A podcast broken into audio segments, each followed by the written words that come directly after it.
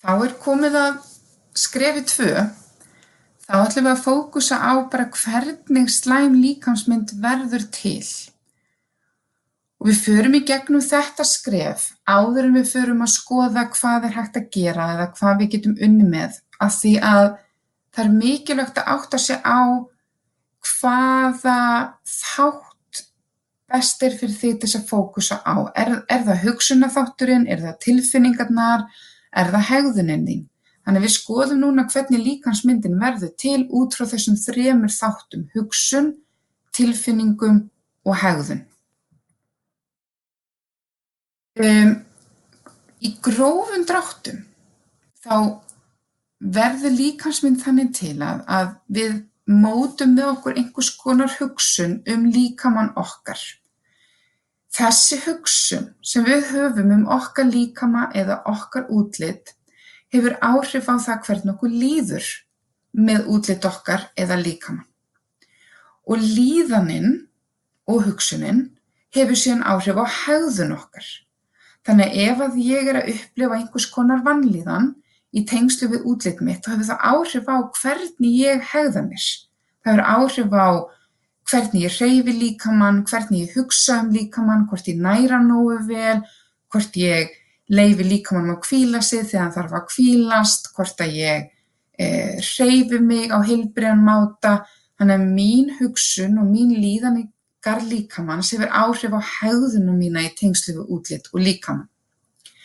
Mér finnst oft gott að nefna þetta svolítið þannig að þegar við erum litli krakkar þá hugsaum við oft um okkur sjálf bara svolítið í staðrendum. Við erum ekki komin með eh, flókna raukhugsun þegar við erum bara á leikskóla aldri.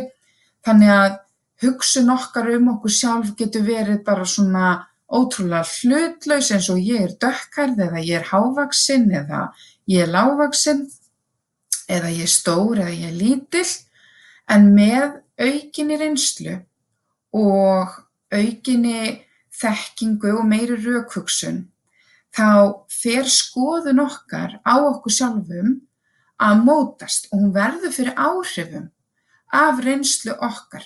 Hvort sem það er einhver bein reynsla, einhver segir eitthvað við okkur eða e, stríður okkur eða eitthvað slíkt eða hvort við fáum hrós Eh, eða hvort það er einhvers konar óbein reynsla þar sem við sjáum kannski sjónvarpinu hvað við heyrum foreldra okkar segja, hvort að fólk í kringum okkur sé mikið að gaggrína fólk með ákveði útlit. Þetta er svona óbein reynsla ef við til dæmis verðum ítrekkað fyrir því að, að, að foreldra okkar gaggrína einhvern fyrir að fitna, þá hefur það áhrif á uh, þá skoðun sem við höfum á því að fitna og það hefur þá áhrif á okkur sjálf beint þegar við fitnum.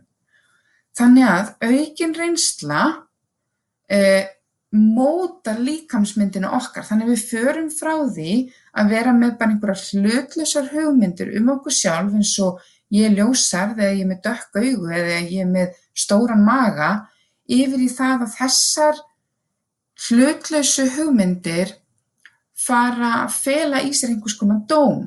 Þannig það að ég sé ljósar með blá augu og með stóran maga fer að verða ýmist jákvætt eða neikvætt.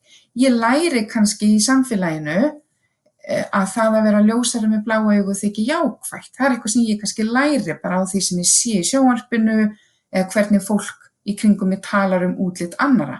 En ég læri það líka að það að vera með stóra maga sé neikvætt. Og ég læri það líka á því að hlusta fólki í kringum mig eða horfa sjónvarpið um, og sjá svona hvernig komið fram við fólk sem er í feitara lægi. Þannig ég fer að mynda með mér einhverja skoðun á því að ég sem er stóra maga. Þannig ég fer frá því að það sé bara eitthvað algjörlega hlutlöst og bara einhvers konar lýsingurorð, hlutlöst lýsingurorð með engum dómi um mig yfir í það að vera eitthvað neikvægt. Uh, margi vilja bara nota orðið feitur til að lýsa fólki til dæmis af því að feitur getur verið bara lýsingarorð svipað og vera hávaxinn eða lágvaxinn. En sumum finnst það erfitt orð af því að það að nota orðið feitur er í rauninni, uh, komur að segja, það er innbyggt í því orði eða með því orði fylgir núna einhvers konar neikvæður dómur. af því að samfélagið hefur kent okkur að það sé neikvægt að vera feitur. En við getum alveg bara tekið það orð tilbaka og litið á sem svo að þetta er bara lýsingarorð alveg eins og vera hávaksin eða lágvaksin. En mér langar að byrja því að, að byrja þig um að velta fyrir þér aðeins þinni eigin reynslu. Veltu fyrir þér hvort að sé eitthvað atriði eða atburður eða jafnvel áfall sem hafði áhrif á þína líkamsýmynd. Hvað var það sem hafði áhrif á þig? Hefur til dæmis einhver, einhver tíma sagt eitthvað við þig? Eh, eða bara jafnvel einhver sagt eitthvað um aðra sem þú síðan hefur tengt við? Eh, er einhver, eh, einhver, einhver stríðni sem þú eru upplifað, einelti, höfnun, veikindi, slís, sambandslit, einhverjir streituþættir, er, er einhver reynsla í gegnum samfélagsmiðla sem hefur mótað þig eða hefur upplifað einhvern þrýsting frá öðru fólki.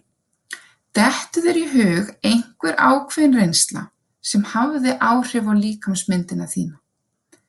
Hver var þessi reynsla? Hvað hugsaður þú í tengslu við líkamaðinn? Hvað tilfinningu fannstu fyrir í garð líkamanns og hvað gerður í kjálfærið? Hjá sumum er þetta eitthvað sem hefur verið langvarandi, kannski einhver stríðni sem fólk hefur upplifað, en hjá mörgum er þetta svona afmörkuð, afmörkuð atvik. Einhver einn hefur kannski sagt eitthvað um þitt útlit, einhver hefur kommentað á útlit þitt og það situr eftir og hefur veruleg áhrif á þína líkamsmynd og mjög ó um, sanngjarn og mjög ósanngjörn áhrif af því við mögulega hunsum öll hinn uh, jákvæðu atriðina, jákvæðu reynsluna sem við upplöfum og leifum þessari neikvæðu að vega allt og þungt í okkar líkam símynd.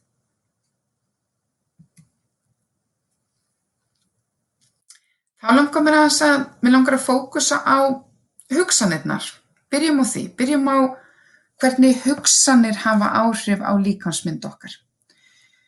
Þegar við tölum um hugsanir þá getum við verið að tala um bara einhverja svona hverstagslega hugsanir sem fljúa hratt í gegnum hugan okkar. Það getur verið bara léttvægar hugsanir uh, sem að kannski snert okkur ekki endilega mikið en svona fljúa í gegnum hugan og við, stundum tökum við varla eftir þessum hugsunum. Síðan erum við líka að tala um svona dýpri pælingar eða svona kjarnahugmyndir eða gildi sem við höfum um bara lífið og tilveruna. Þetta eru hugmyndir um okkur sjálf, um fólki í kringum okkur og bara um heiminn og framtíðina og þetta geta verið jákvæðar og rökréttar hugmyndir en þetta geta líka verið neikvæðar og órökréttar hugmyndir. Þetta eru svona mjög sterkar hugsanir sem að jafnvel hafa áhrif á hvernig þessa hversdagslegu hugsanir sem fljúa hratt í gegnum hugun okkar verða. Uh, þessar sterku hugsanir eða kjarnahugmyndir uh, hafa þannig áhrif á okkur að við ósjálfrátt leitum að sönnunum fyrir þessum djúpi pælingum. Þetta, þessar djúpu pælingar eða kjarnahugmyndir sem verða til bara út frá reynslu okkar og upplifunum í æsku og ólingsárum, þar verða það eins konar áttavita í okkar lífi. Þar hafa áhrif á hvernig við tólkum hluti.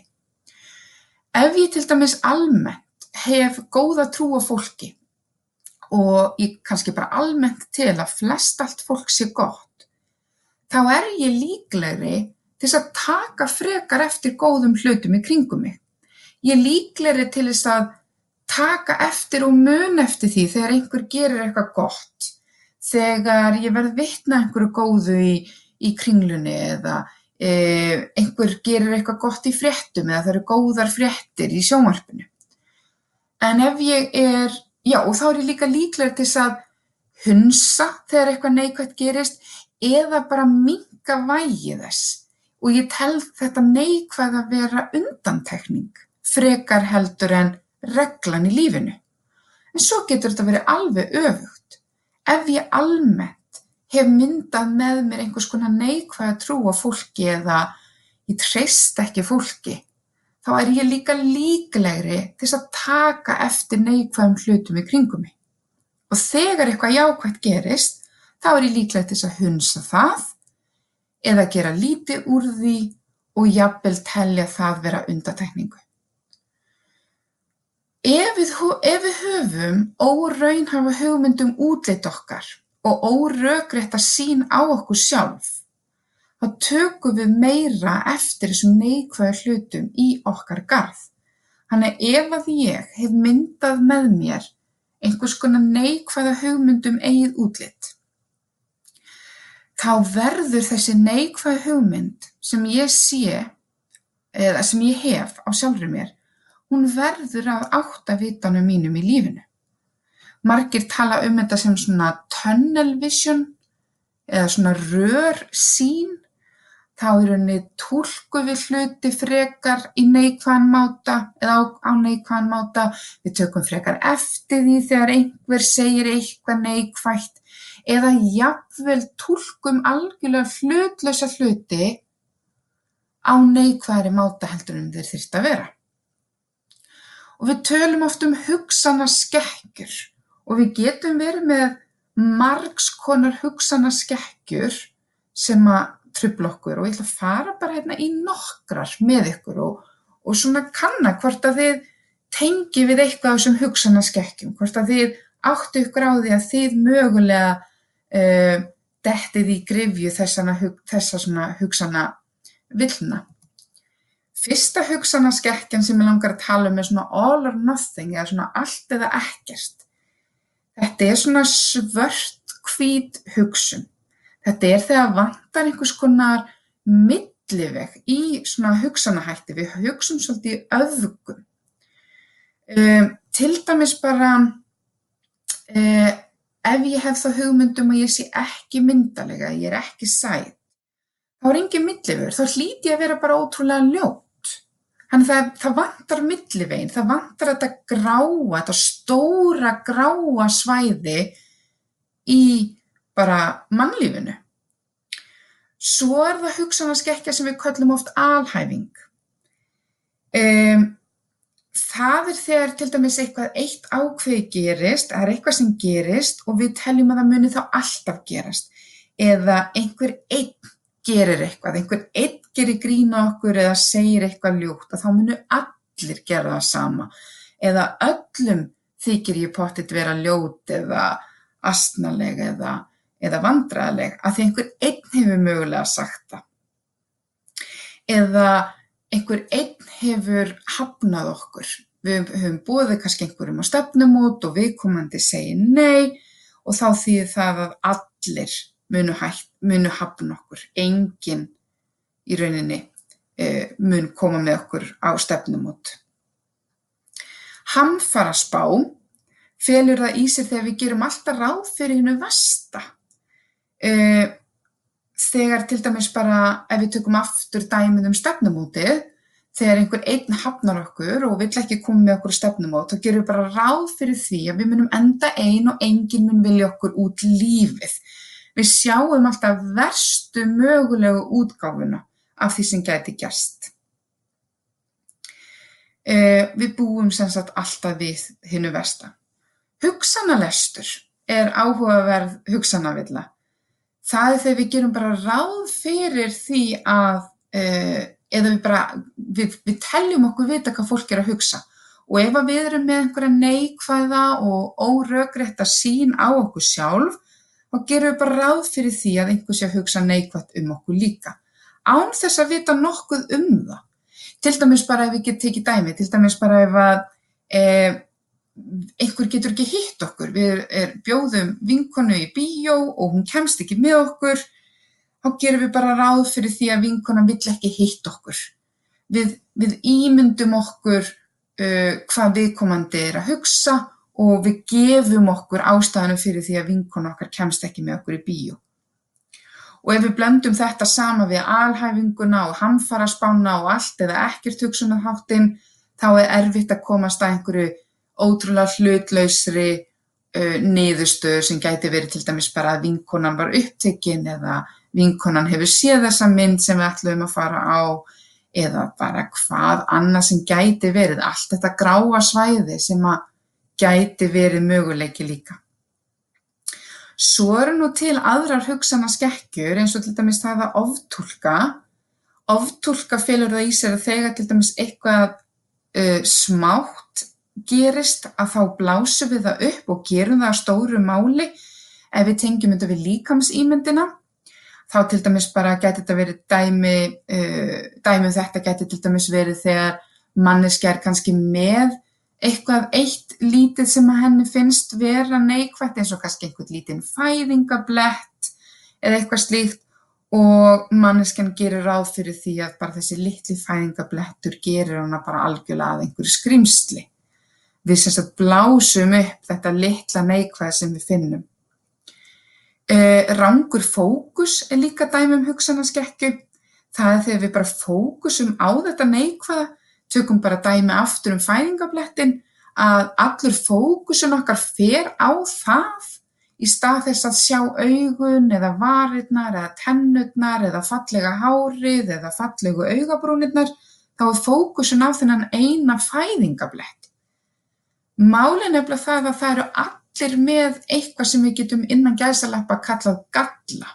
Við erum mannleg og við erum mjög ólík og það eru allir með eitthvað sem að e, í okkar samfélagi telst vera fallegt og síðan líka með eitthvað sem telst ekki eins fallegt. Og ef að fókusin fyrir alltaf á þetta sem telst kannski ekki vera fallegt, þá hefur það áhrif á bæði bara okkar svona kjarnahugmyndir um okkur sjálf en líka þessar hversdagslegu hugsanir sem streyma í gegnum hugan okkar. Um, svo er það, það eru fleiri dæmi um hugsanaskekkjur, til dæmis það að uh, finna á allt einhver tilfinningar, svona rauk bak við allt saman, ef að til dæmis eitthvað virðist vera rétt fyrir mér eða ég trúi einhverju eða uh, mín neikvæða hugsun um mig lætur mig trúa einhverju neikvæðu um mig þá bara hlýtur það að vera sannleikurinn, þá hlýtur það að vera rétt og ég átta mig kannski ekki alveg á því að aðrir hafa mögulega aðra hugmyndir, aðra skoðanir og eru jafnvel ekki að hugsa um mig, fyrsta lagi jafn mikið og ég hugsa um mig og öðru lagi ekki jafn neikvægt. Það er óskup eðlilegt, það er óskup eðlilegt og mannlegt að upplifa stundum svona hugsanaskekkjur. Um, sérstaklega svona í okkar eigin garð. En ef að líkamsmyndin er orðin frekar neikvæð eða slæm, veltu þá fyrir hvort þú sért mögulega aðeins of oft að detta í þessa grifju, svona hugsanaskekkju grifju. Ertu til dæmis að mikla fyrir þér eitthvað sem er pínulítið og fæstir og jafnvel enginn tekur eftir. Ertu að alhæfa um álit annara á þér eftir að hafa heyrt kannski einhvern eitt segja eitthvað neikvægt. Þannig að velta hans fyrir þessum hugsanaskekkjum og spáðu í hvort að þú sett mögulega að falla í þessa grefju.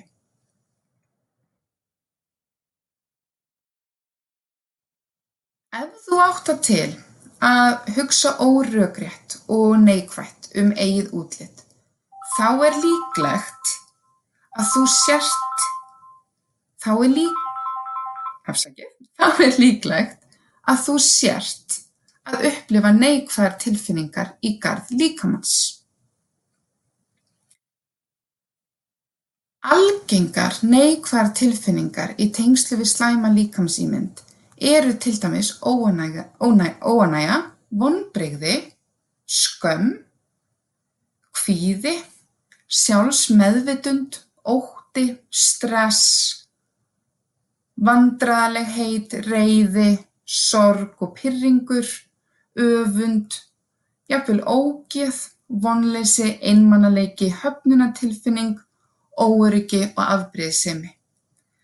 Ef þú hugsa neikvætt í garð líkamans og finnur fyrir neikvæðum tilfinningum í hans garð er líklegt að þú hægir þig líka á neikvæðan máta í garð líkamans eða svona gagnvart líkamanum. Eh, það eru svona ákveðnar tegundir af hegðun sem að verðt er að skoða í tengslu við líkansmyndina. Um, ef þú hefur einhver svona óraunsæði hugmynd um hvernig líkamar eiga að líta út, þá ertu nefnilega mögulega um, með einhverja neikvæð hugmyndur um eigin líkama sem kveikja síðan á neikvæðin tilfinningum sem kveikja síðan á ákveðni hegðun. Margir kannast til dæmis við það að forðast hluti eða forðast aðstæður til dæmis forðast það að kíkja í spegil eða fara í partí eða afklæðast fyrir framann aðra eða taka myndir af sér. Um, það að forðast myndatöku eða forðast það að fara í sund eða fara í partí getur mögulega virka sem streytulósun eða hérna, skamtíma laust á vanda sem að í rauninni ristir miklu dýpra og þetta veitir okkur mögulega ró og frið í smá stund en til lengri tíma litið þá er þetta ekki að hjálpa okkur. Ef við forðumst til dæmis ídreka aðstæður þá mögulega missum við af mikilvægum hlutum, við missum af gleðistundum og við lærum ekki að þetta hræðilega sem við höldum að muni gerast gerist eflust ekki og segjum svo að eitthvað slæmt gerist, þá lærum við ekki að við munum mögulega ná að takast á við það. Þannig að velta eins fyrir þér hvort það sé einhverja aðstæður sem þú ert að forðast. Veltu fyrir þér hvort þú sért að græða á því og jafnvel þá hvort þú sért að tapa á því. Þér líður kannski eins og sért að græða, þér líður kannski eins og þetta sé að hafa jákað áhrif á þína líðan af því þú sleppir við ákveðin kvíða. En veltu fyrir til lengri tíma litið hvort þetta sé hjálpleg hegðun eða ekki. Svo er það það að fela, að fela ákveðina líkamsparta. Það að fela hlutir önnur tegunda hegðun sem að sumi gera til þess að komi vekk fyrir það að aðri sjáu innan gæsalappa, gallana, til dæmis að nota sólglerugu svo aðrir sjá ekki hvernig hún lítur út, fela andlitið með kannski miklu hári, nota mikla andlitsmálingu, uh, veri víðum fötum eða klæðast peysum sem fara yfir rassin svo að rassin sjáast ekki. Þóttu upplifir aftur mögulega ró og frið í stuttastund og, og betri líðan við það að fela líkamspartin þinn, þá hjálpar þetta ekki líkamsmyndinni þinni til lengri tíma litið. Og veltu þá aftur fyrir hvort þú sért mögulega að fela ákveðin líkamspart og hverjir eru kostir þess og hverjir eru mögulega gallarnir við það að fela þetta. Svo er það það að tjekka. Um, sumum finnst þeir verða að tjekka reglulega á svæðinu sem að þeir eru ósáttir með eða falla í þá gryfju að spyrja aðra ítrekað hvernig öðrum finnst þeim líta út. Samanburður verður þá líka algengari.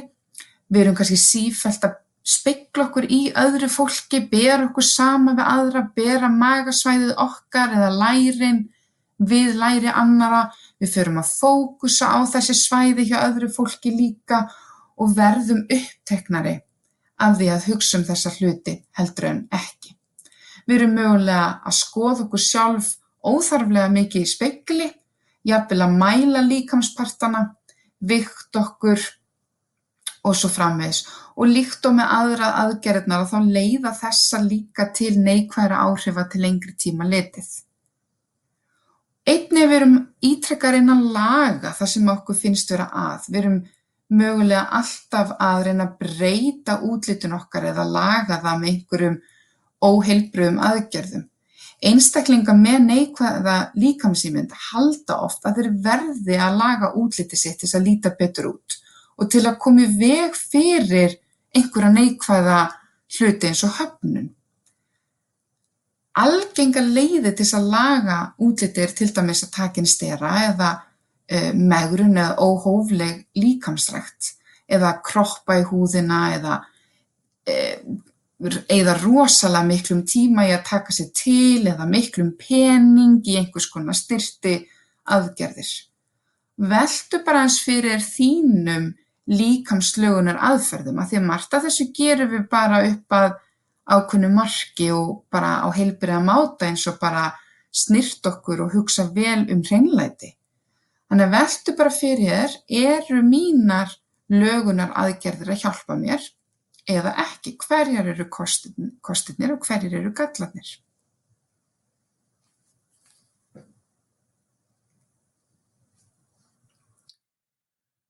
Og aðeins meira um þetta, hvernig svona þessi hegðun getur haft neikvæð áhrif á okkar líðan.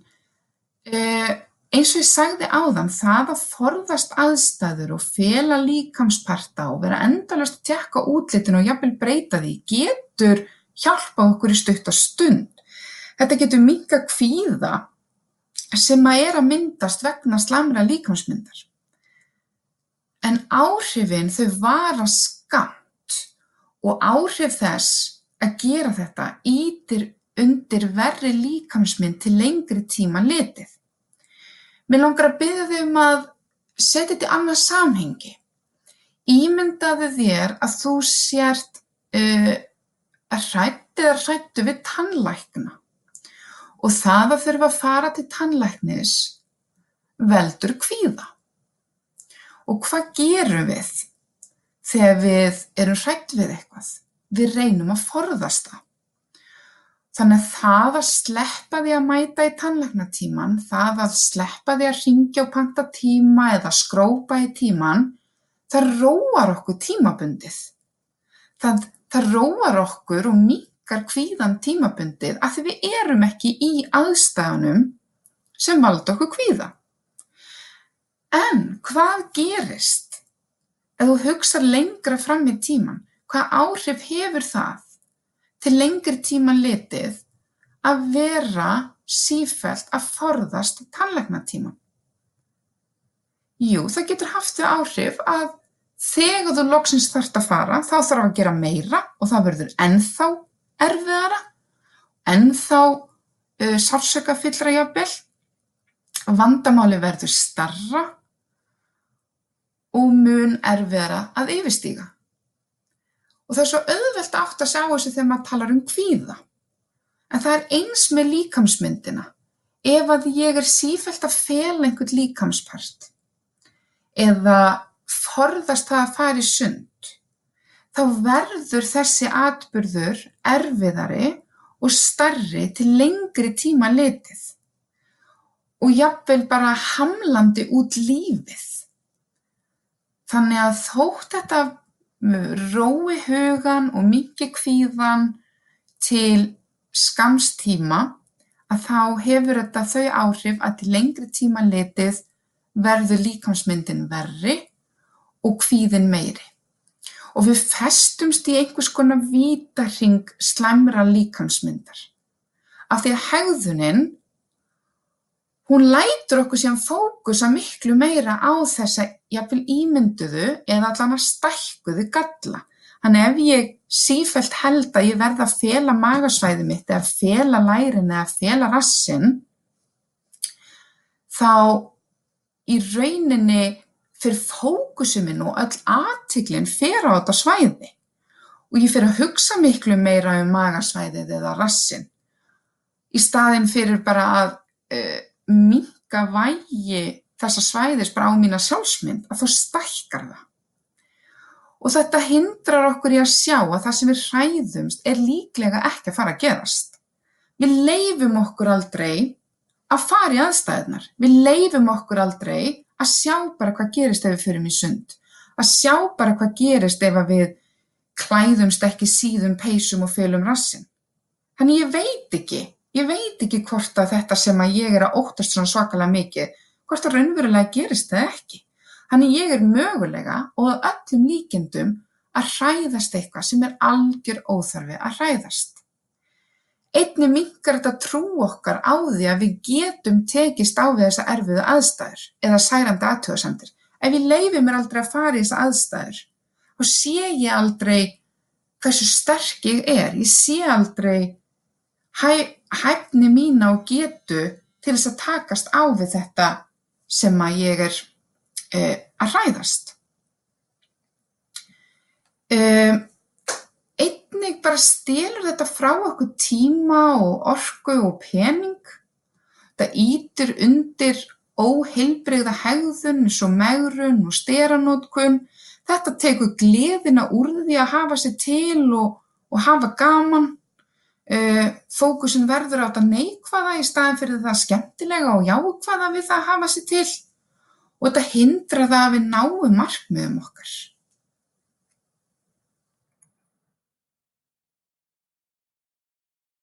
Nú er gott að taka smá hlje og velta eins fyrir sér það sem við höfum verið að tala um.